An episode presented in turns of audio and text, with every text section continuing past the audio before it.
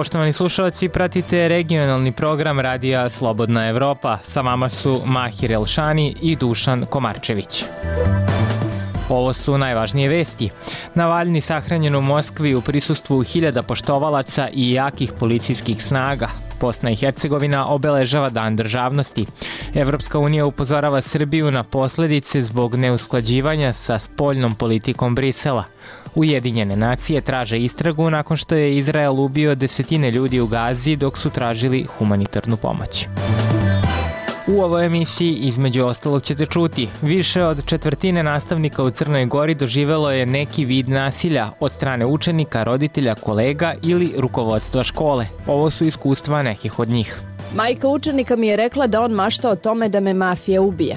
Učenik me je na ulici gurnu u jarak. Učenik me je gađao olovkom prilikom izrade testa jer sam mu oduzela test zbog prepisivanja. Kako su šume i zelenilo na Zlatiboru zamenili soliteri i beton? Dragan Graovčević, koji je odrastao na ovoj planini, kaže. Bilo je pravo planinsko mesto, lepe kuće s uređenim dvorištima, toga više nema. Trpimo godinama taj teror od, od tih investitora, od opštinskih vlasti koji to sve to zvoljavaju. Čućete i da će UNESCO krajem godine razmatrati nominaciju za upis Sevdalinke na listu svetske nematerijalne kulturne baštine. A šta Sarajlije kažu o Sevdalinci? To je ljubav i taj čar. Ona je dio meni i u krvi mi je. Naša je pjesma najbolja. Te god uvijek je bilo kroz Bosnu ne pjeva. Tako da to samo treba održati. Ovo je regionalni program Radija Slobodna Evropa.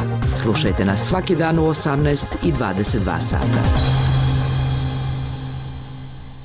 Svet se oprašta od ruskog opozicionara i kritičara Kremlja Alekseja Navaljnog, koji je danas uz jake policijske snage i hiljade ljudi koji su došli da mu odaju poslednju počast, sahranjen u moskovskom okrugu Marino, gde je nekada živeo.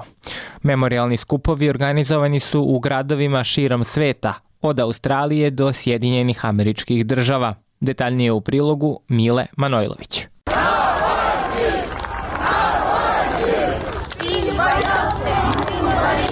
Ti se nisi plašio i mi se ne plašimo. Uzvikivalo je hiljade ljudi koji su se, uprkos jakim policijskim snagama, okupili kod crkve u Moskovskom okrugu Marino kako bi se uprostili od Alekseja Navaljnog. Policija je sprečavala desetine hiljada pristalica da se približe službi i sahrani. Rođacima i bliskim saradnicima bilo je dozvoljeno da budu prisutni u crkvi, a Navalni je ispraćen uz pesmu My Way od Franka Sinatre. Služba je usledila nakon dvonedeljne borbe između porodice Navalnog i ruskih vlasti koje su odložile predavanje tela porodici jer su navodno pokušale da ucene njegovu majku Ljudmilu Navalnu kako bi sahrana bila održana bez ikakvih oproštenih ceremonija. Agencija Reuters prenela je izjave okupljenih građana – Ja prijehao v Moskvu na pohranu Alekseja. Došao sam ovde u Moskvu na Aleksejevu sahranu da odam poslednju počast. Meni je to važno. Mnogima je važno. Zato nisam video drugu opciju nego da dođem na sahranu. Nisam mogla da ne dođem jer mislim da ovom čoveku moram da odam poslednju počast. Da li ste se plašili? Mnogo smo se plašili. Stigli smo rano i dugo smo stajali ovde skrivajući cveći i fotoaparate, ali sada shvatam da to treba da uradimo i progovorimo. Prethodnih dana je stotine građana širom Rusije uhapšeno samo zbog polaganja cveća na improvizovane spomenike na Valjnom. It doesn't mean end of Russian opposition. To ne znači kraj ruske opozicije. Mislim da bi trebalo da bude promena taktike ruske opozicije sve dok Putinov režim ne bude postojao. Until Putin's regime exists. Rekla je u izjavi Reutersu Marina Litvinjenko, udovica Aleksandra Litvinjenka, bivšeg ruskog agenta bezbednosti, koji je preminuo 2006. godine u Londonu nakon trovanja radioaktivnim polonijumom. Litvinjenko je također bio kritičar Kremlja i Vladimira Putina. Memorialni skupovi u čast Navalnog organizovani su u gradovima širom sveta, od Australije do Sjedinjenih američkih država. Navalni je preminuo 16. februara, posle godina zatočeništva tokom kojih je proveo više od 300 dana u samicama. Uskraćivana mu je medicinska nega, žalio se da je između ostalog bio podvrgnut lišavanju sna. Ruski sudovi odbili su više od 40 pritužbi koje je podneo zbog navodnog zlostavljanja. Za smrt Navaljnog njegova supruga Julija Navaljna direktno je optužila ruskog predsjednika Vladimira Putina. Od supruga se oprostila objavom na društvenoj mreži X. Ona se nalazi u inostranstvu i nije se vraćala u Rusiju. Ne znam kako da živim bez tebe, ali daću sve od sebe da te usrećim tamo gore i da budeš ponosa na mene. Ne znam da li ću uspeti, ali pokušat ću, napisala je Julija Navaljna. Evropski parlament je 28. februara u svojoj rezoluciji u kojoj se za smrt Alekseja Navalnog krive država Rusija i predsjednik Vladimir Putin. U rezoluciji se navodi da je politički sistem Rusije pod kontrolom autoritarnog režima koji deluje u okruženju rasprostranjene korupcije, koristi nameštene izbore kako bi pružio privi demokratije i koncentriše svu moć u rukama Vladimira Putina. Aleksej Navalni je otelotvorio borbu za slobodu i demokratiju svojim snom o prekrasnoj budućoj Rusiji. Rekli su poslanici Evropskog parlamenta i pozvali sve članice Evropske unije da nastave da iskazuju nepokolebljivu solidarnost i aktivnu podršku kada je reč o nezavisnom ruskom civilnom društvu i demokratskoj opoziciji. Julija Navaljna najavila je da će nastaviti njegovu borbu.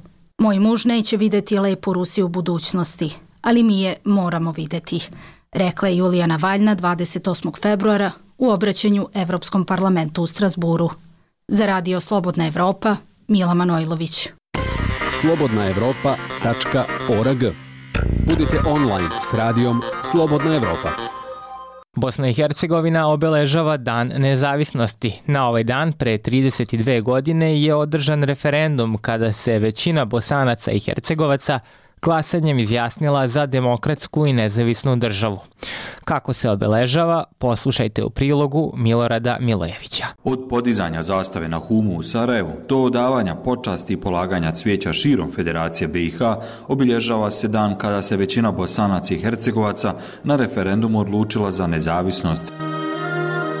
Ulice glavnog grada Bosni i Hercegovine, Sarajeva i drugih gradova okićene su državnim zastavama, ali vlasti u Republici Srpskoj osporavaju ovaj datum i u tom entitetu se Dan nezavisnosti ne obilježava.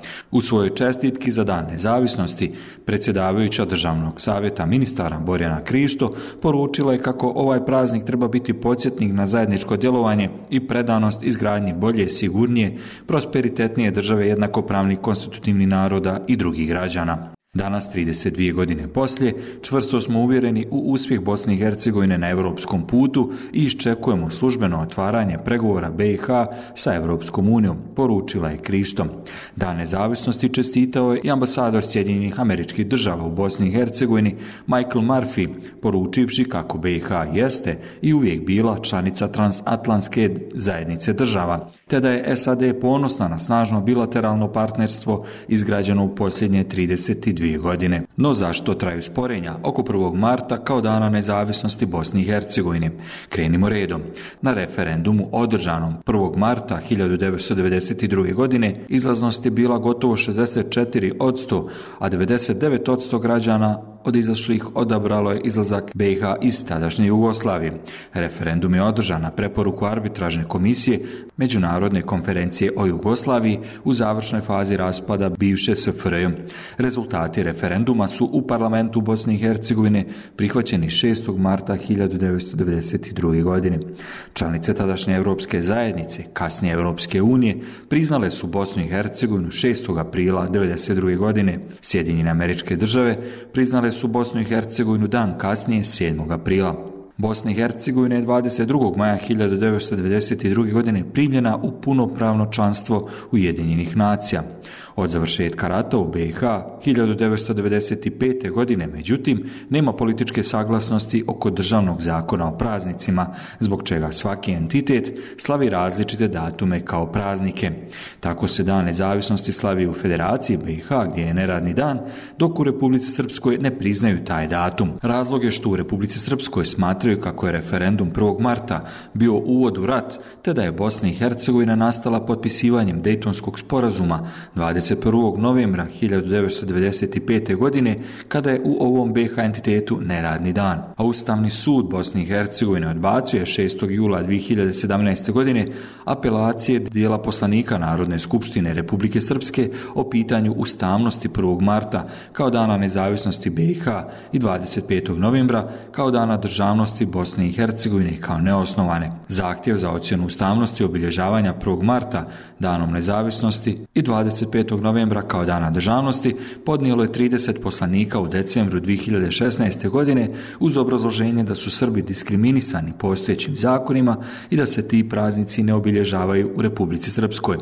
Zahtjev je podnesen nakon što je Ustavni sud proglasio neustavnim 9. januar kao dan Republike Srpske. Za radio Slobodna Evropa iz Banja Luke, Milorad Milojević. Slušate radio Slobodna Evropa. Predsjednik Bosansko-Hercegovačkog entiteta Republika Srpska Milorad Dodik izjavio je da će srpski narod uvek biti na strani Rusa, čak i ako Rusija uradi nešto pogrešno. Rusija može i da pogreši, da uradi nešto što nije u redu, ali Srbi će biti na njenoj strani, rekao je u intervju ruskoj novinskoj agenciji TAS Dodik, koji je pod sankcijama SAD i Velike Britanije. Predsednik manjeg bosansko-hercegovačkog entiteta sastao se 21. februara sa predsednikom Vladimirom Putinom četvrti put od početka invazije Rusije na Ukrajinu. Evropska unija upozorava Srbiju da slede posledice u procesu evropskih integracija jer se država ne usklađuje sa spoljnom politikom Evropske unije. Port parol EU Erik Mamer naglasio je da je usklađivanje jedan od osnovnih zahteva za svaku državu čiji cilj je članstvo u EU. Usklađivanje je deo procesa pristupanja. Jasno je da postoji posledica zbog neusaglašavanja sa stavovima Unije, jer je osnovni uslov da se država uskladi sa tim stavovima da bi postala članica. A članstvo u Evropskoj uniji je jedan od strateških ciljeva Srbije, poručio je Mamer. Srbija se nije uskladila ni sa jednom odlukom Evropske unije koja se odnosi na mere protiv Rusije kao odgovor Brisela na agresiju protiv Ukrajine slobodnaevropa.org. Konstitutivna sednica Skupštine grada Beograda, koja je jutro trebalo da se održi, ponovo je odložena. Više o tome u prilogu Miljane Miletić. Sednicu je zakazao predsjednik privremenog organa grada i funkcioner vladajuće Srpske napredne stranke, Aleksandar Šapić. Međutim, on je pre početka sednice saopštio da će ona biti odložena. Gospodin Fila će ovu skupštinu odložiti ponovo za još dva dana, do 3. E, marta kada je posljednji rok za njeno konstituisanje e, i neće naši odbornici tamo neće pojaviti da bi on jeli, imao osnov da je odloži do tog datuma.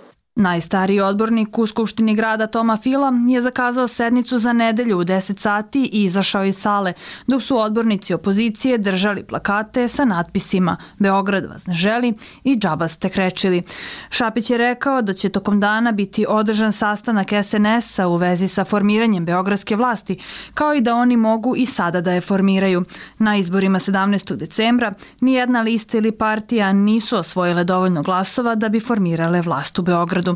Dobrica Veselinović iz Zeleno-levog fronta, koji je deo koalicije Srbije protiv nasilja, rekao je ponovo da vladajuća stranka nema većinu za formiranje Skupštine grada. Mi kao opozicija i koalicija Srbija protiv nasilja smo govorili da ova sednica i ova Skupština ne treba da se konstituiše. U skladu s tim ovo prolongiranje rokova i namerno odugovlačenje govori samo o tome da većine nema, Mi smo danas vidjeli to da se, se njihovi odbornici i odbornici nisu ni potpisali na listu učesnika, pa onda kao da ne uđu u salu, pa onda kao da ne daju kvorum, tako da ova stvar je u stvari već gotova. On je dodao da Beograd čekaju novih izbori. Ali pre novih izbora u Beogradu čeka nas otvaranje i rješavanje svih onih nepravilnosti koje su uočene, čeka nas uvažavanje onih e, preporuka koje smo dobili od međunarodnih e, organizacija i čeka nas jedan dogovor oko toga kada će ti izbori u Beogradu biti. Konstitutivna sednica Skupštine Beograda već je jednom odlagana 19. februara, jer nije bilo kvoruma za njeno održavanje. Na neregularnosti tokom izbora 17. decembra ukazale su i strane i domaće posmatračke misije. Umeđu vremenu je Evropski parlament usvojio rezoluciju kojom se traži međunarodna istraga o navodnim nepravilnostima tokom izbora, kao i suspenzija evropskih fondova, ukoliko se dokaže da su vlasti bile direktno umešane u izbornu prevaru. U rezoluciji je Evropski parlament pozvao na nezavisnu istragu sa posebnim osvrtom na izbore za Skupštinu grada Beograda i zbog navoda o organizovanim migracijama birača na lokalnom nivou.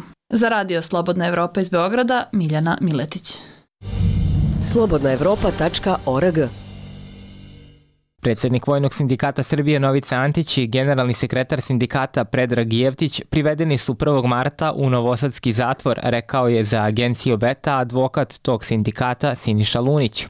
Lunić je objasnio da im se stavlja na teret krivično delo pronevere, te podsjetio da je sudija za prethodni postupak odbio predlog tužilaštva za stavljanje u pritvor ovih osoba.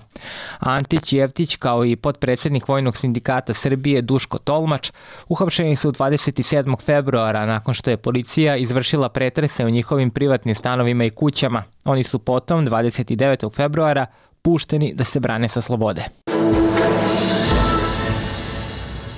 Predsednik Severne Makedonije Stevo Pendarovski najavio je građansku kandidaturu za drugi mandat na čelu te države. On je na današnjoj konferenciji za novinare pozvao sve građane da mu svojim potpisima daju podršku u područnim jedinicama državne izborne komisije, prenosi Radio Slobodna Evropa na makedonskom jeziku.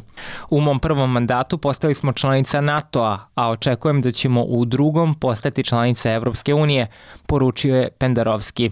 Očekuje se da će tokom vikenda vladajući će SDSM zvanično podržati Pendarovskog u trci za drugi mandat.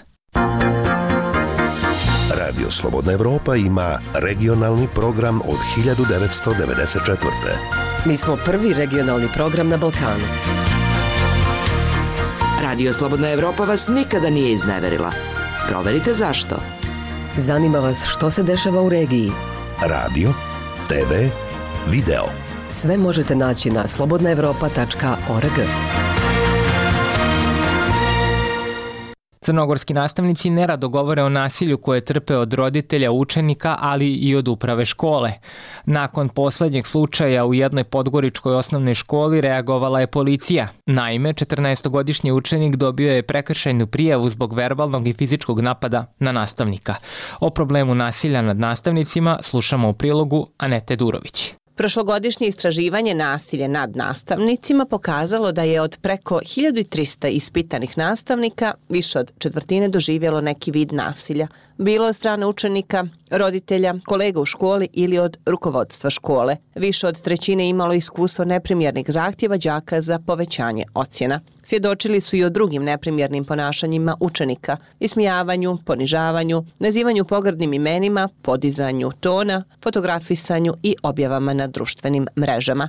Ovo su samo neka od iskustava nastavnika koja su podijelili sa autorima istraživanja. Majka učenika mi je rekla da on mašta o tome da me mafija ubije. Učenik me je na ulici gurnuo u jarak. Učenik me je gađao olovkom prilikom izrade testa jer sam mu oduzela test zbog prepisivanja. Dijete me zbog nezadovoljstva ocjenom i straha od roditelja optužilo pred roditeljem da sam ga nazvala mutavim pingvinom. Roditelj me je prijavio policiji i bila sam u stanici dva sata. Poslije se uvidjelo da to nije istina, ali dijete nije kažnjeno. Jedna od autorki istraživanja, psihološkinja Zorica Minić, kazali u pisanom odgovoru za Radio Slobodna Evropa da je nastavnicima uglavnom neprijatno da pričaju o nasilju koje trpe. Nekako je prisutna naučena bespomoćnost. Nažalost, smatraju da se ništa ne može riješiti. Samo će se otkriti njihova nemoć. A na koji način doprinijeti rješavanju problema?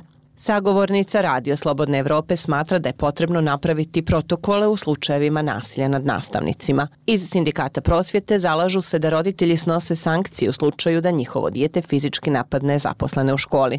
Uz to, traži da se pritisak uprave roditelja i učenika po pitanju ocjenjivanja tretira kao vid nasilja nad nastavnicima. Iz Ministarstva prosvjete su za Radio Slobodna Evropa kazali da će raditi na izmjenama zakona u cilju rješavanja ovog problema, a posebno u dijelu vaspitnih mjera. Za Radio Slobodna Evropa iz Podgorice, Aneta Durović. Slike svakodnevnice šta muči ili inspiriše mlade kako prošle političke odluke utiču na našu budućnost. Ove i druge teme slušajte u podcastima Radija Slobodna Evropa. Sve epizode pronađite na iTunesu, Spotifyu, Google podcastima, kao i na slobodnaevropa.org. Slušajte odmah ili preuzmite epizodu za kasnije. Tu smo svakog dana. Podcast i Radija Slobodna Evropa.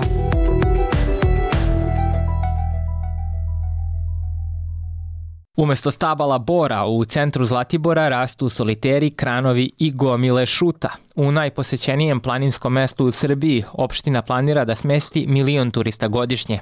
Deo meštana i aktivista upozorava da Zlatibor budućnosti može da ugrozi planinu pod zaštitom države, koja je dom za desetine redkih vrsta biljaka i životinja. Slušamo prilog Novke Ilić. Bilo je pravo planinsko mesto, lepe kuće s uređenim dvorištima, toga više nema. Na mestu kuće gde je Dragan Graovčević odrastao, danas je gradilište. Njegova porodica jedna je od mnogih na Zlatiboru koje su placeve prodale investitorima. U soliterima koji se grade odsedaće turisti, milion godišnje, prema planu opštine, u planinskom mestu sa 4000 stanovnika. Već su nas počeli ograđivati drugi soliteri koji su prišli baš blizu i to bi bilo jako loše, živeli bi bez sunca. Buka je ogromna, ne možemo da izađemo napolje, da ne bude prašine. Trpimo godinama taj teror od, eh, od tih investitora, od opštinskih vlasti koji to sve to dozvoljavaju. Umesto stabala Bora u centru Zlatibora vas dočekuju kranovi, mešalice i šut. Trenutno je jedno od najvećih gradilišta u Srbiji. Broj dozvola za gradnju koje izdaje opština Čajetina, kojoj planinski centar pripada, u desetostručana je u posljednjih deset godina. Mi ne možemo samo da prodajemo čist vazduh i da očekujemo da će na osnovu toga doći inostrani gosti ili mladi ljudi. Ističe Milan Stamatović, predsjednik opštine. Već smo se potrudili u ovih zadnjih 20 godina da radimo na infrastrukturi, da pratimo te savremene E, moderne e, tokove u turizmu. Ministarstvo građevinarstva je 2020. upozorilo da je Zlatibor pretrpeo veliku štetu zbog neplanske i stihijske gradnje. Čelnik opštine tada je bio u opoziciji. Danas je deo vlasti, a iz ministarstva ne odgovaraju za Radio Slobodna Evropa šta su povodom štete preduzeli. Nije poznato koliko je borova stradalo zarad višespratnica, ali aktivisti decenijama beleže seču. Vikendice i poneki hotel zamenile su višespratnice, ističe Vladan Sinđić iz udruženja Libergraf. Gradi se, da kažemo, desetine i desetine hiljada kvadrata u isto vreme. Objekti e, koji se grade su visoki po 10 spratova iznad zemlje i još nekoliko spratova pod zemljom. Ovo više liči na grad nego što liči na turistički centar. Ne postoje uslovi da se ovaj grad razvija na taj način. Mislim da je to neverovatan kič Na planini je 2023. bilo skoro 350.000 turista, što je svrstava u najposećenije turističko mesto u Srbiji. Bojana, Nikola, Strahinja i Biljana godinama dolaze na Zlatibor i svedoče promenama. Nije sve to baš toliko strašno koliko oni govore. Da sam pristalica neke hiperprodukcije u, u ovoj gradnji, ne, ali činjenica da je Zlatibor kao planina ogroman, pa ima verovatno i drugog nekog sadržaja koga šta interesuje. A bilo je lepše nekada. Malo izgubio taj duh planinski. Kad izađete na terasu, da treba vidite drveće, šumu, prirodu, ptičice. Vrte se tu velike pare, veliki broj ljudi je tu zaposlan. Ima to neke benefit, ali mislim da je to moglo da se uradi onako malo, malo lepše, malo humanije. Za Radio Slobodna Evropa, Novka Ilić. Pogled preko granice. Regionalni program radija Slobodna Evropa. UNESCO će krajem godine razmatrati nominaciju za upis Sevdalinke na listu svetske nematerijalne kulturne baštine. Inicijativa je podnesena 2016. a proces koji je vodilo Ministarstvo civilnih poslova Bosne i Hercegovine zahtevao je detaljne istraživanja i obimnu dokumentaciju. Priču donosi Šejla Ibrahimović. Tvoj otac i mati našu ljubav brane, ne daj da nam uzmu najsretnije dane. U vremenu Turbo Folka Sevdalinka i dalje budi posebnu emociju, kažu anketirani građani Sarajeva Dragan Ramiz i Fahrudin. To je ljubav i taj čar. Ona je dio meni i u krvi mi je. Naša je pjesma najbolja. Gde god uvijek je bilo kroz Bosnu ne pjeva. Tako da to samo treba održati. Sevdalinka ima ogroman pjesnički, muzički i historijski značaj, kaže kustosica usmene poezije u Zemaljskom muzeju Bosne i Hercegovine Nirha Efendić. Prvi zapisi o Sevdalinci vraćaju nas u 1574. godinu i ljubavnu priču sa Splitskog pazara kada je Bošnjak Adil iz Klisa zapjevao jednu pjesmu svojoj voljenoj Mariji Vornić, Spličanki, a sve to događanje je zabilježio ondašnji splitski kniz i poslao kao e, godišnji izvještaj Senatu u Veneciji, Mletačkoj republici. I Mnogo godina kasnije, u 19. vijeku, hrvatski književnik Luka Botić je našao te spise, prepjevao na nama razumljiv jezik pjesmu koju mi smatramo da bi mogla biti sedalinka. Muslimanska gradska pjesma, kako se spominje u starim zapisima i enciklopedijama, naziv je dobila krajem 19. vijeka po turskoj riječi sevda, odnosno ljubav. Iz tog perioda su i zapisi češkog istraživača Ludvika Kube, koji je u dogovoru sa tadašnjim direktorom Zemaljskog muzeja Kostom Hermanom sakupio neprocijenjivu bazu pjesama širom Bosne i Hercegovine, kaže Kustosica Efendić. To njegovo istraživanje urodilo je rezultatom od zabilježenih preko hiljadu pjesama sajedno sa tekstovima i njihovim napjevima koji su arhivirani Priprema nominacije Sevdalinke na UNESCO-vu listu nematerijalne kulturne baštine započela je 2016. godine na inicijativu Udruženja muzičkih umjetnika iz Tuzle, prisjeća se Ramiza Milkunić, predsjednica udruženja. Uvijek smo gledali da jednu stepenicu napravimo više. Svi govore o Sevdalinci, svi je vole nekako, evo jednom riječu, puno duše brižnika o Sevdalinci i za Sevdalinku, a ništa konkretno i, i, i više od toga da se uradi. Nominacija je rađena u saradnji sa Federalnim ministarstvom kulture i sporta, a u izradi je učestvovala i stručna saradnica u ministarstvu Mirela Šečić. Mogu slobodno reći da je urađen iznimno kvalitetan dokument iz razloga što je u proces pripreme nominacije bila uključena šira društvena zajednica. Rezultat rada biće poznat u decembru kada će se razmatrati dokumentacija, kazali su za Radio Slobodna Evropa u Ministarstvu civilnih poslova Bosne i Hercegovine, kojem je UNESCO potvrdio da je fajl tehnički kompletan. Nematerijalnu svjetsku baštinu čine običaj, događaj, vještine i zanati, a konvencija o zaštiti usvojena je 2003. godine, kaže Vesna Isabegović, savjetnica u Muzeju Istočne Bosne u Tuzli. Uništavaju se građevine, uništava se materijalno nasljeđe, međutim, nematerijalno nasljeđe ono ono što narodi nose sa sobom i što je vječno. Upis na listu baštine bio bi veliki doprinos svjetskoj kulturi, dodaje Isa Begović. Smatram da je ovo zaista jedan veliki ispit da se nešto što nas povezuje, a ne samo nešto što stvara razlike između nas, da se to nešto kao što je Svedalinka nađe na listi reprezentativnosti reprezentativnoj listi nematerijalnog nasilja čovječanstva. UNESCO-va konvencija koju je Bosna i Hercegovina ratificirala 2008. godine posebnu pažnju poklanja očuvanju baštine u matičnoj zemlji, podsjeća Mirela Šećić, stručna savjetnica u Federalnom ministarstvu kulture i sporta. Sinonim joj je živa baština, dakle bez ljudi, bez baštinika vi nemate ni tradiciju, ni običaj, ni pjevanu formu. Na listi svjetske nematerijalne baštine Bosna i Hercegovina ima pet upisanih dobara. Uzgoj konja lipicanera, konjičko drvorezbarstvo, branje trave i ive na ozrenu, kosedbu na kupresu i zmijanski vez. Za Radio Slobodna Evropa iz Sarajeva, Šejla Ibrahimović. Slušate Radio Slobodna Evropa. Vijesti iz svijeta. Generalni sekretar Ujedinjenih nacija Antonio Guterres zatražio je nezavisnu istragu o smrti desetina palestinaca koji su čekali na isporuku pomoći u severnom delu pojasa Gaze. Izraelski vojnici su u četvrtak pucali na palestince koji su pokušavali da dođe do isporuka hrane u haotičnom incidentu.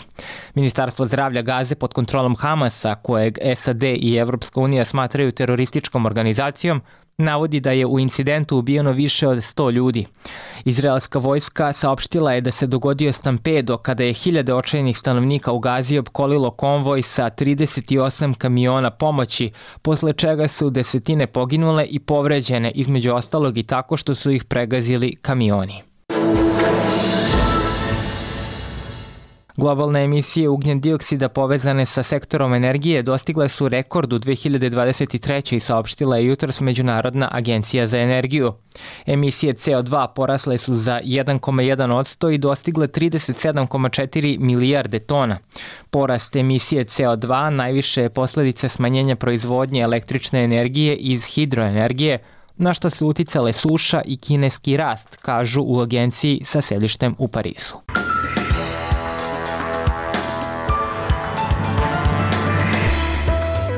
Bilo je ovo sve što smo vam pripremili u regionalnoj emisiji Radija Slobodna Evropa. Više vesti možete potražiti na našem sajtu slobodnaevropa.org, a možete nas pratiti i na društvenim mrežama, Facebooku, Twitteru, Instagramu, TikToku. Srdačan pozdrav od Mahira Elšanija i Dušana Komarčevića.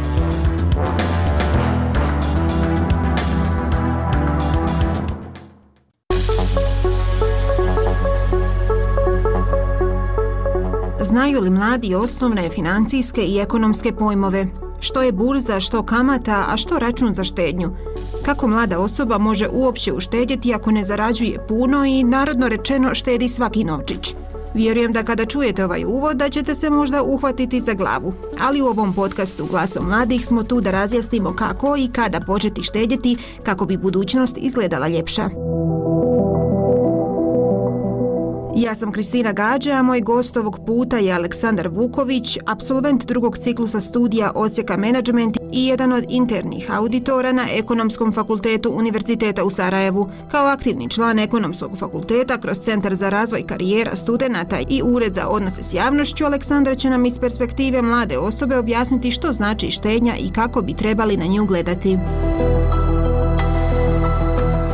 Prije našeg razgovora, evo što mladi u Sarajevu misle o štednji i mogu li uopće uštedjeti. Poslušajmo što kažu Neila Emšo, Ana Imanović, Muhamed Mustafa i Omer Muminović. S obzirom na ta jako niska primanja i male plate, niste u mogućnosti da, da izdvojite.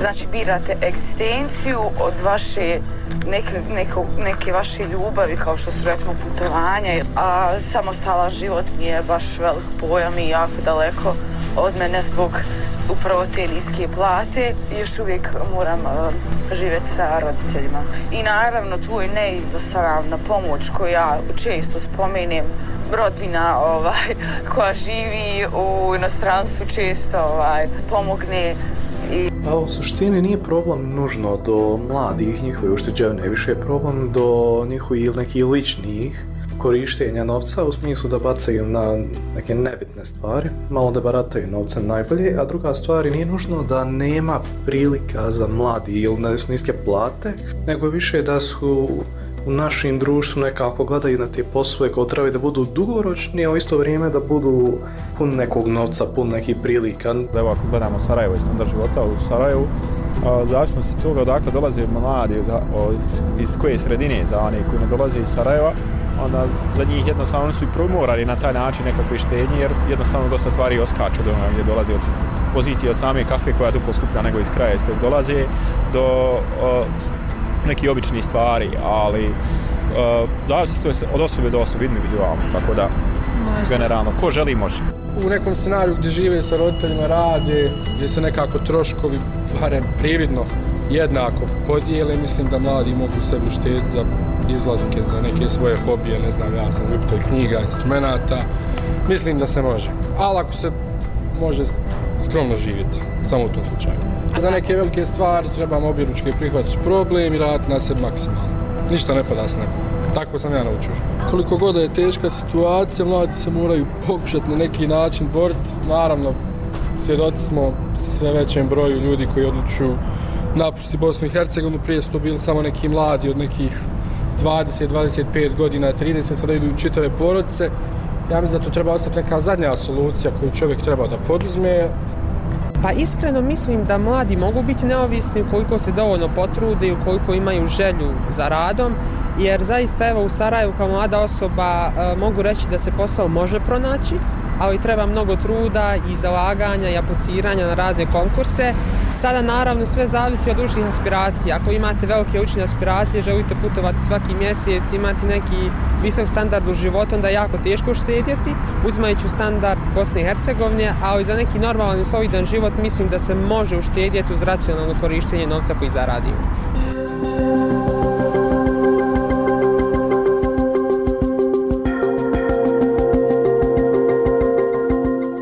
Aleksandre, hvala što si se uključio da budeš dijelom našeg podcasta Glasom mladih i što pričamo na ovu temu financijske pismenosti koja je jako bitan pojam u Bosni i Hercegovini, a saznaćemo i zašto. Hvala tebi, uh, draga Kristina, na pozivu. Zaista mi je zadovoljstvo što sam danas ovdje i što možemo razgovarati o veoma značajnoj temi, kako za mlade, a ja bih rekao i za starije stanovništvo Bosne i Hercegovine. Aleksandre, absolvenci drugog ciklusa studija Ekonomskog fakulteta Univerziteta u Sarajevu, Sarajevu, ocijek management.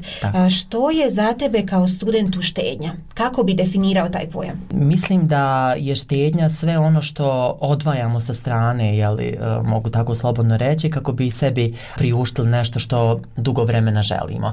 Naravno, ne mora to biti samo nešto materijalno, to može biti i odlazak na neku drugu destinaciju van granica jeli, zemlje u kojoj živimo ili može biti odvajanje novca za neki poklon koji želimo jeli, da a, poklonimo nekoj našoj dragoj osobi, ali isto tako štednja ne mora nužno biti odvajanje za uslugu ili za proizvod koji želimo da kupimo, znači ona može isto tako da e, ima i dugoračan karakter, odnosno da putem banaka ili osiguravajući društava štedimo za dane kada e, ne budemo više radno sposobni, odnosno kada ne budemo više u radnom odnosu, da štedimo za penziju i da nam se novac uz adekvatnu kamatu na banci, jel ukoliko nam je novac e, na banci, ukoliko štedimo putem banke, raste onaj vremenom i da na taj način uh, uživamo taj novac kada odemo u penziju. Reci mi u razgovoru sa evo mladima i sa studentima ekonomije, je li oni štede? Koliko je za njih to praksa štedjeti i misliti tako na budućnost? A koliko oni su spremni misliti o štednji i neki novac koji zarade staviti sa strane? Evo, nekako u djetinstvu smo imali onu kasicu, prasicu i kad smo imali taj iznos koji smo skupili, veselili smo se da ga potrošimo. Koliko da. mladi to danas rade? Iz perspektive studenta ekonomskog fakulteta, a, s obzirom na predmete koji studenti slušaju na prvom i na drugom ciklusu studija, a oni se jeli, odnose na finansijski menadžment, na bankarstvo i sve ono što se a, tiče samog novca, oni su upoznati sa a, štednjom, odnosno upoznati, upoznati su s tim, sa tim svim procesima kako novac teče, odnosno kroz koji određeni vremenski period oni mogu da dobiju a, svoj novac i da je zapravo najbolja investicija ulaganja u sebe. Pojedini studenti naravno ulažu novac u, u svoje školovanje, dakle na master studije ili na određene kurseve ili možda upišu studij van granica Bosne i Hercegovine, dok drugi ali štede možda za neke proizvode i usluge koje žele priuštiti ili sebi ili drugima. Za druge mlade ja vjerujem da je sada tako da kažem pogodan period ne samo kod nas nego i u regionu da se štedi. Sve više ljudi preko interneta imaju mogućnost da se upoznaju sa pojmom štednje i da na neki način razlikuju potrebu od zapravo njihove želje. Odnosno sve ono što, što imamo sada, da li možemo sa tim novcem da kupimo tu, taj proizvod ili uslugu ili moramo da štedimo u određenom izvjesnom vremenskom periodu u budućnosti kako bismo mogli isti, isti taj proizvod ili uslugu sebi da priuštimo.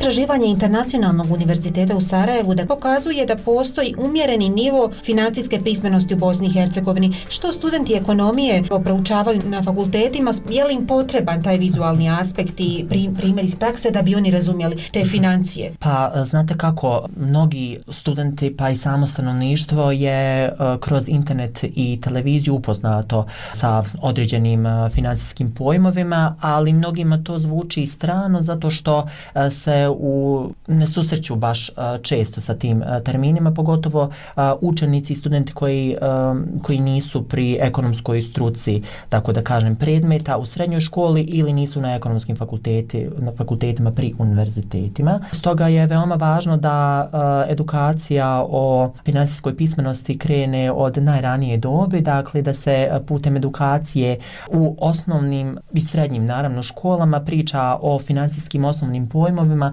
kako bi se mladi na što bolji način upoznali na vrijeme sa tim. Obično se o finansijskoj pismenosti priča kada dođe do određenog problema, dakle kada uh, nemamo dovoljno novca da izmirimo dospile obaveze, odnosno kada nemamo novca da platimo račun za mobitel, kada nemamo uh, na računu novca da platimo mjesečnu ratu za Netflix ili da kupimo sebi omiljene patike, nego je li se o tome razmišlja kada dođe određeni problem i onda tada dođemo do određenog zaključka, mogli bismo da uštedimo kako bismo mogli, ali neću otići danas na kafu, neću otići uh, negdje na neko drugo mjesto gdje ću potrošiti taj novac, nego ga mogu uložiti, odnosno mogu ga staviti na štednju i na taj način uštedjeti. Kao pozitivan primjer, ja bih svakako naveo uh, službenike Centralne banke Bosne i Hercegovine koje na 31. oktobar uh, svake godine uh, obilježavaju na kvalitetan i adekatan način Međunarodni dan štednje, tako što u prostorije banke uvijek dovedu ili učenike srednje ili osnovne škole, a njihovi službenici službenici odlaze po školama kako u Republici Srpskoj tako u Federaciji Bosne i Hercegovine i posjećuju maličane uh, i pričajući im jeli na taj način o štednji, o novcu i svemu onome što bi ono najranije dobi svakako trebalo da znaju o osnovnim finansijskim pojmovima. I što se tiče studenta, njima je svakako vizuelni aspekt veoma važan.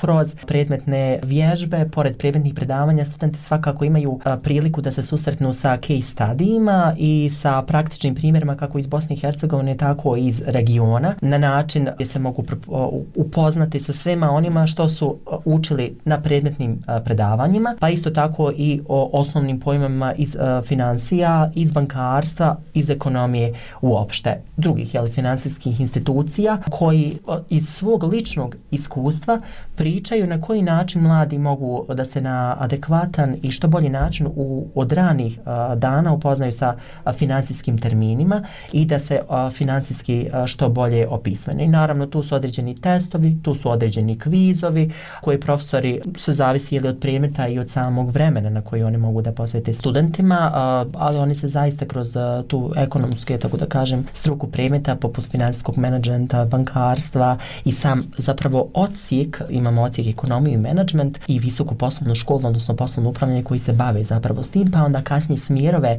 na menadžmentu, finansijski menadžment, jeli, ili samo bankarstvo, ekonomija uh, i financije koje se bave upravo tim terminima i stvarno studenti po završetku prvog ciklusa studija, odnosno ti smjerova i te kako znaju da, da prepoznaju te finansijske termine odnosno, i da se finansijski opismene kako bi mogli evo danas sutra podići kredit uh, u banci. Je li se trebaju ti smjerovi finansijske pismenosti raširiti na ostale smjerove? Pa što se tiče ekonomskog fakulteta, o finansijskoj pismenosti se ne priča samo na o, smjeru finansijski menadžment, odnosno na ocijeku a, menadžment, već se priča podjednako i na drugim ocijecima, odnosno smjerovima.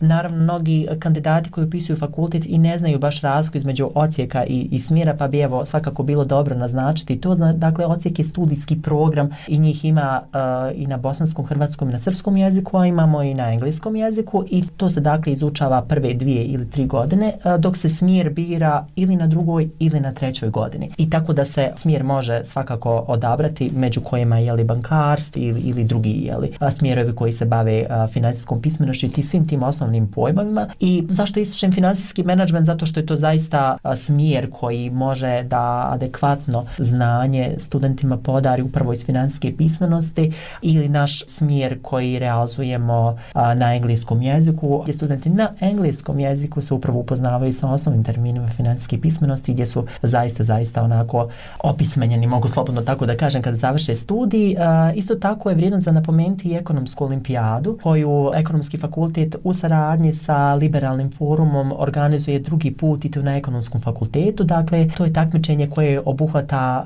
e, srednjoškolce iz skoro cijele Bosne i Hercegovine. Finale tog takmičenja bilo je održano e, u junu, dakle imamo nacionalno takmičenje i imamo regionalno takmičenje, nacionalno takmičenje obično bude van granica a, Bosne i Hercegovine, to je prošle godine a, bilo svakako na našem fakultetu i a, tu se srednjoškolci a, upoznavaju sa svim osnovnim terminima kako a, iz finansijske, iz, tako iz financija, iz ekonomije, iz mikroekonomije, makroekonomije, međunarodne ekonomije i ne izučavaju samo te pobove, već i neku a, istorijsku a, pozadinu ekonomije kao nauke i na taj način ne upoznavaju samo sebe, već i drugare oko sebe koji neće jeli, nastaviti možda studij na ekonomiji, već će možda otići na neke druge nauke. Dakle, na svakom ocijeku, jeli prvo, a onda kasnije na svakom smjeru se podjednako razgovara o financijskoj pismenosti.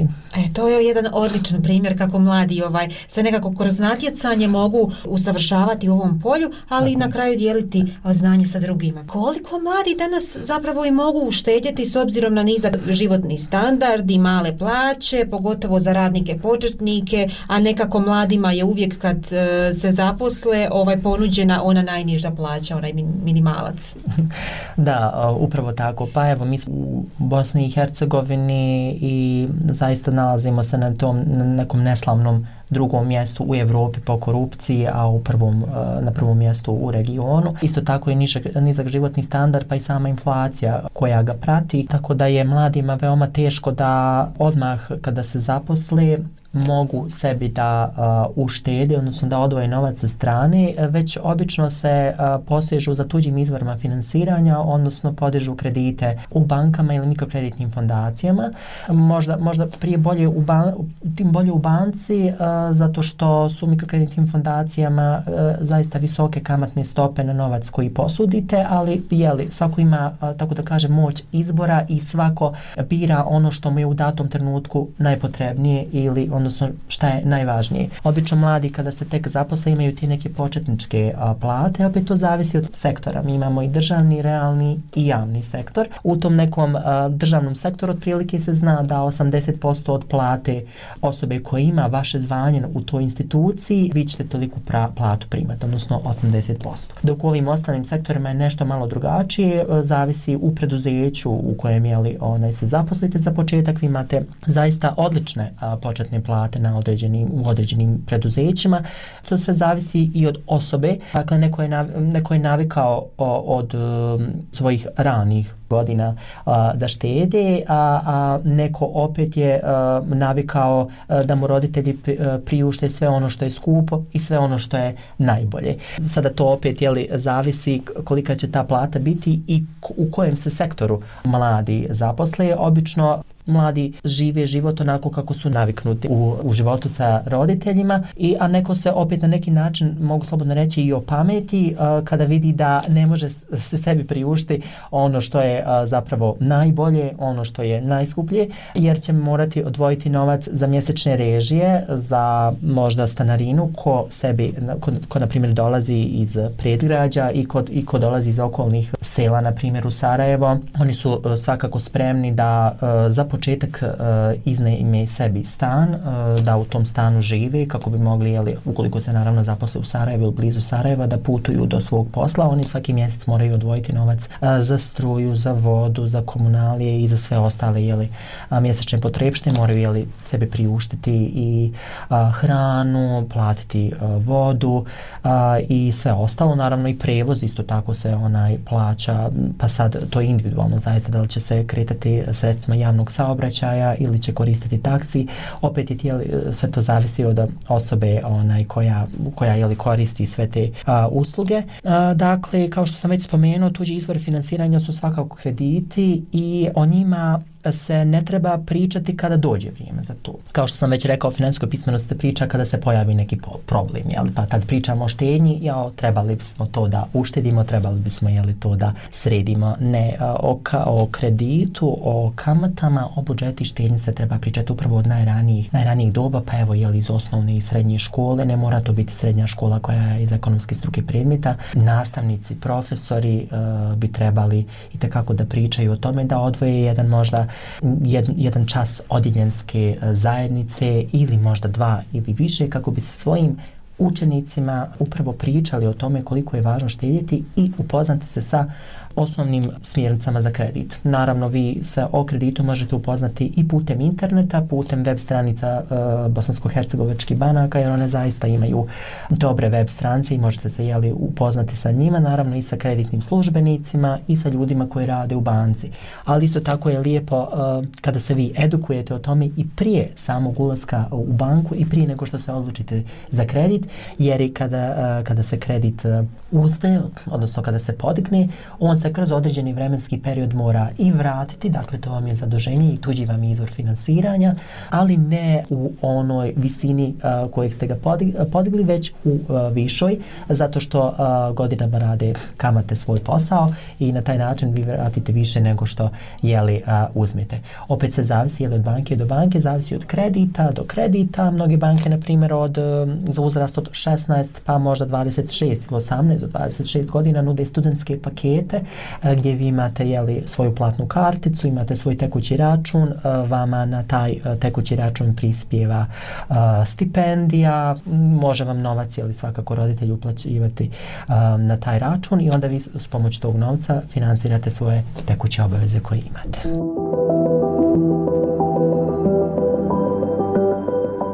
U bosansko-hercegovačkom društvu koje ima nizak životni standard i male plaće, mladi često pronalaze alternative uštede. U modernom vremenu često je popularan taj minimalistički život kojim se želi uštedjeti svaki dan. Je li to može biti jedno od rješenja za financijsku stabilnost mladih? Smatram da ne, ne baš minimalistički u smislu da se moramo odreći uh, nekih osnovnih svojih uh, sredstava, tako da kažem da, da ne odemo bar uh, jedan put u bioskop, da ne odemo jedan put u pozorište da odgledamo predstavu ili jeli da ne platimo sebi račun za Netflix. Dobro, Netflix može da može da pričeka, ali uh, mislim da, da, da minimalistički život nikome nije uh, izbor, nego da su upravo od uh, tih ranih e, doba treba uh, misliti o štednji i u onom periodu kada imamo najviše novca uh, trebali bi da razmišljamo uh, za budućnost, odnosno da odvojimo na stranu taj novac, uh, obično bi to uh, trebalo da se položi u banku, vi imate svakako i oročeni račun u banci gdje možete da novac uh, oročite na određeni vremenski period i dok ne istekne taj vremenski period vi ne možete taj novac da podignete. To je na neki način ono imam taj siguran novac i neću ga podizati, a i ne mogu i sve da hoću dok ne isekne taj određeni a, vremenski period koji je banka jeli, onaj, dala, a, koji su naravno korisnici tih usluga potpisali. S obzirom je li sada na, na današnju situaciju i na vrijeme i dobu kojem živimo, mislim da se može a, izbjeći minimalistički jeli, e, život, odnosno može se pronaći u početku i pristojan posao i na taj na, i od tog novca jeli, odvajati uh, e, za, za nešto u budućnosti što želite sebi da priuštite i to obično nešto veliko. Dakle, mladi obično izdvajaju novac ili za uh, automobil uh, ili za uh, stan, ali opet su im tu potrebni tuđi izvori finansiranja. Dakle, opet uh, se vraćamo na, na kredit, uh, jer je on zaista neizostavan, a imamo isto tako s druge strane i uh, druge uh, korisnike usluga banci, uh, odnosno ljude koje uh, imaju svoje porodično nasljedstvo, uh, koje imaju ostavljen možda stan od svoje, od članova uže porodice i na taj način ne moraju se brinuti hoće li, ne moraju se bar stam, stambeno oko tih jeli stvari brinuti, nego tu su na neki način osigurani ili imaju još uvijek roditelje sa sobom koji im na neki način pomažu kako bi savladali svakodnevne prepreke, odnosno pomogli da izmiri se svoje tekuće obaveze, tako da bi oni mogli ali svoju platu da odvoje za nešto drugo. Isto tako, evo, već kad sam spomenuo porodicu, važno je napomenuti i njihovu pomoć, ne samo u, u doba od 18 do 26, 28, uh, isto tako uh, mom podnevnju imamo ljude koji imaju preko 26 godina žive sa svojim roditeljima, dakle roditelji ili rade ili su a, u penziji i na sve moguće načine pomažu a, svoju djecu a, kako bi oni mogli pronaći a, svoj, svoje adekvatno zaposlenje, odnosno prvo zaposlenje. Ili su to neki honora, honorarni poslovi ili su a, poslovi koji su vezani za ugovor o dijelu, ali a, svakako a, vremenom se može uštedjeti da, da se ne bi minimalistički živjelo. Naravno, u početku će biti mnogo, mnogo odricanja i a, mnogo na neki način a, će vam možda, možda će vam se u jednom trenutku dogoditi i reći a, pružila mi je se sada ova prilika i sigurno više neće, ali vjerujte, vremenom sve dođe na svoje mjesto i a, svakome će biti onako kako je najbolje za njega. A što misle financijski stručnjaci? Razgovarala sam s Farukom Hadžićem, doktorom ekonomskih nauka i predavačem na Univerzitetu Sarajevo School of Science and Technology. O tome imaju li mladi financijska sredstva za uštedu novca, imajući u vidu visoku nezaposlenost mladih u Bosni i Hercegovini, ali i regiji. Kada govorimo generalno o financijskoj pismenosti, to je u stvari na neki način kako naše stanovništvo razumije osnovne neke financijske tokove, finansijske pojmove koji su a, koji su bitni za vođenje svakodnevnog života. Ono što mogu reći iz svog nekog dosadašnjeg iskustva rade na mnogim klinicima opukama jeste da mnogi naši građani baš i ne razumiju osnovne ekonomske pojmove, finansijske pojmove oko stvari koje bi trebali da poznaju i danas se pitati koja je razlika između nominalne ili realne plate, između realne ili nominalne kamatne stope i tako dalje. Mnogi vam neće uopšte znati dati tačan precizan odgovor. Zvančna statistika čak pokazuje nekoliko različitih eh, vrijednosti. Imate rekstravanu eh, zaposlenost, imate eh, zaposlenost i nezaposlenost prema anketi o radnoj snazi, tako da tu postoje određene variacije, ali mislim da nije to toliko možda značajan problem koliko je generalno neka nezainteresovanost da se, da se sazna, nauči nešto ono što, što je vezano za stvarni, za stvarni život. Tako da problem generalno kod mladih osoba iz nekog ličnog iskustva jeste što se na početku postavljaju poprilično visoke ambicije i ciljevi koje možda u nekom kratkom roku nisu baš jednostavno za ostvariti. E, tu postoji nekada e, problem ta prevelika ambicija u skladu sa vlastitim mogućnostima. Zbog toga je potrebno a, mladoj osobi da na početku što više ističe različitog iskustva, da, da, gradi, e, da gradi svoj nivo znanja, da uči, da se edukuje i onda kroz relativno kratko vrijeme ta mlada osoba može e, kroz taj nivo e, znanja koji posjeduje, iskustvo koje je steklo, dostići dosta, dosta dalje, dosta veće pozicije. To je možda bolji način nego da, da se sjedi godinama na, na, na evidencijeno službi za zapošljavanju. Sistem obrazovanja snosi jedan dio, dio odgovornosti, obzirom da možda i na način kako se prenosi e, određena vrsta znanja. Ako imate malo možda i drugačiji pristup u obrazovanju, gdje će se kroz neki praktični primjer, simulaciju, uključivanje studenta, učenika, objasniti koncept eh, recimo eh, bruto ili neto plate, onda takve osobe mogu daleko bolje shvatiti ono što se dešava i na samom tržištu naravno, ali generalno u ekonomiji. Naprimjer, neki teoretski profesor može pričati o teorijama oporezivanja, eh, kako je koja ekonomska škola pričala, kako treba oporezovati, abstraktni koncept koje možda neko neće ne uopšte ne razumijeti. Neće znati uopšte na taj način što je bruto, što je neto plata. Međutim, ako vi sada dođete kroz jedan potpuno drugi pristup i mladoj osobi, recimo, donesete hiljadu konvertibilnih maraka kroz neke spesmene novčanice i kažete ovo je vaša zarađena bruto plata koju ste vi zaradili. A onda oduzmete odmah automatski 400 maraka i kažete ovo su doprinosi porezi koje ste vi platili, to što vam je ostalo je 600 maraka, to je, to je vaša zarađena neto plata, garantujem da će ta osoba samo zato što je uključena i vidjela i osjetila i iskusila takav jedan koncept odmah naučiti i znati šta je razlog između bruto i neto plate. Bitno je da, da imate što više ovakvih praktičnih simulacija, prikaza, videa, različitih situacija, kritičkog razmišljanja, dosta diskusije. Nije danas problem zaraditi dovoljnu količinu, dovoljnu količinu novca, međutim potrebno je uvažavajući sve ove nove okolnosti koje generalno imamo na, na, na tržištu i snažan razvoj i rast freelancinga, remote rada od kuće, sve ono što nam je u stvari došlo nakon pandemije COVID-a i prepoznati kroz uređeni sistem zakonodavstva u Bosni i Hercegovini. U tom kontekstu potrebno je sigurno razmišljati o napređenju zakona o radu gdje se te pojedine nove kategorije uvele u zakon o radu, prepoznale jer nije problem platiti porez ali je, uh, ili, ili neki doprinos ili neku drugu taksu, ali je vrlo bitno da, da imate uh, i određeni benefit korist od toga što vi plaćate, to je ono što danas mi u stvari nemamo u Bosni i Hercegovini kod ti takvih mlađih osoba. Što se tiče generalno regija, i, i Bosna i Hercegovina, tu postoji vrlo skromni napredak, pogotovo ekonomski napredak, pogotovo na putu ka Evropskoj uniji, tako da mi nekako previše naglašavamo ovu političku uvijek dimenziju napredka prema Evropskoj uniji, zanemarujemo ovu ekonomsku dimenziju. U prvim pasima ekonomske sekcije, ekonomskog kriterija navedeno da je Bosna i Hercegovina tek na začetku onoga što se zove tržišna ekonomija. Jako puno možete naći besplatnih kurseva, jako puno video materijala gdje možete do, mnogo toga naučiti. Dakle, tu sada treba malo možda i više volje od, od, samih, od samih naših mladih da istražuju, da uče, da, jer je sve danas dostupno, gotovo, besplatno. Naravno, ako želite čak neke i profesionalne certifikate, možete ih platiti, ali to nije neki preveliki financijski izdatak, ali je bitno da danas je znanje uvijek na dohvat ruke.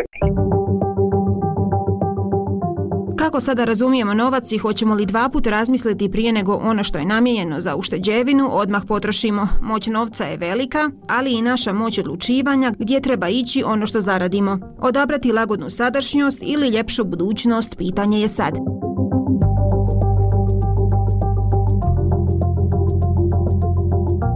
Ovo je bila još jedna epizoda podcasta Glaso mladih. Ovu, ali i druge epizode potražite na streaming platformama te na slobodnaevropa.org. Do idućeg puta pozdravljaju vas Mahir Alšani i Kristina Gađe.